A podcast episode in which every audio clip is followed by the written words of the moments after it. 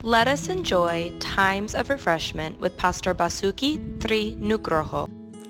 Shalom, kisah Rasul 2 ayat 46 dan 47. Dengan bertekun dan dengan sehati, mereka berkumpul tiap-tiap hari dalam bait Allah. Mereka memecahkan roti di rumah masing-masing secara bergilir dan makan bersama-sama dengan gembira dan dengan tulus hati, sambil memuji Allah.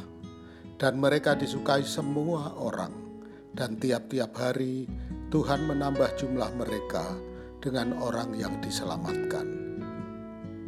Ternyata gereja mula-mula, gaya hidupnya juga sangat praktis, masuk dalam tindakan nyata yang dirasakan oleh jemaat. Masa itu adalah masa aniaya terhadap orang-orang percaya, karena mereka terus dengan aktif memberitakan Kristus yang telah bangkit. Padahal baru saja Yesus ditangkap, disalib, dan dikuburkan oleh mereka. Akibatnya pemerintahan saat itu melakukan penindasan dan tekanan kepada mereka. Namun mereka tetap kuat dalam persekutuan dan doa, tetapi juga dalam hal praktis saling membantu. Tentu kita semua terdampak krisis sekarang ini.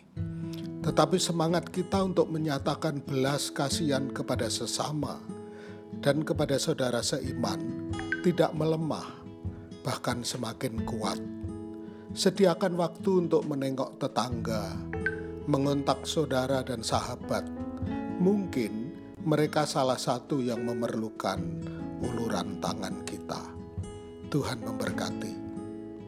Untuk info pelayanan lebih lanjut, hubungi GBI Grace Community Center Makassar di nomor 081 343 625 334. Tuhan memberkati.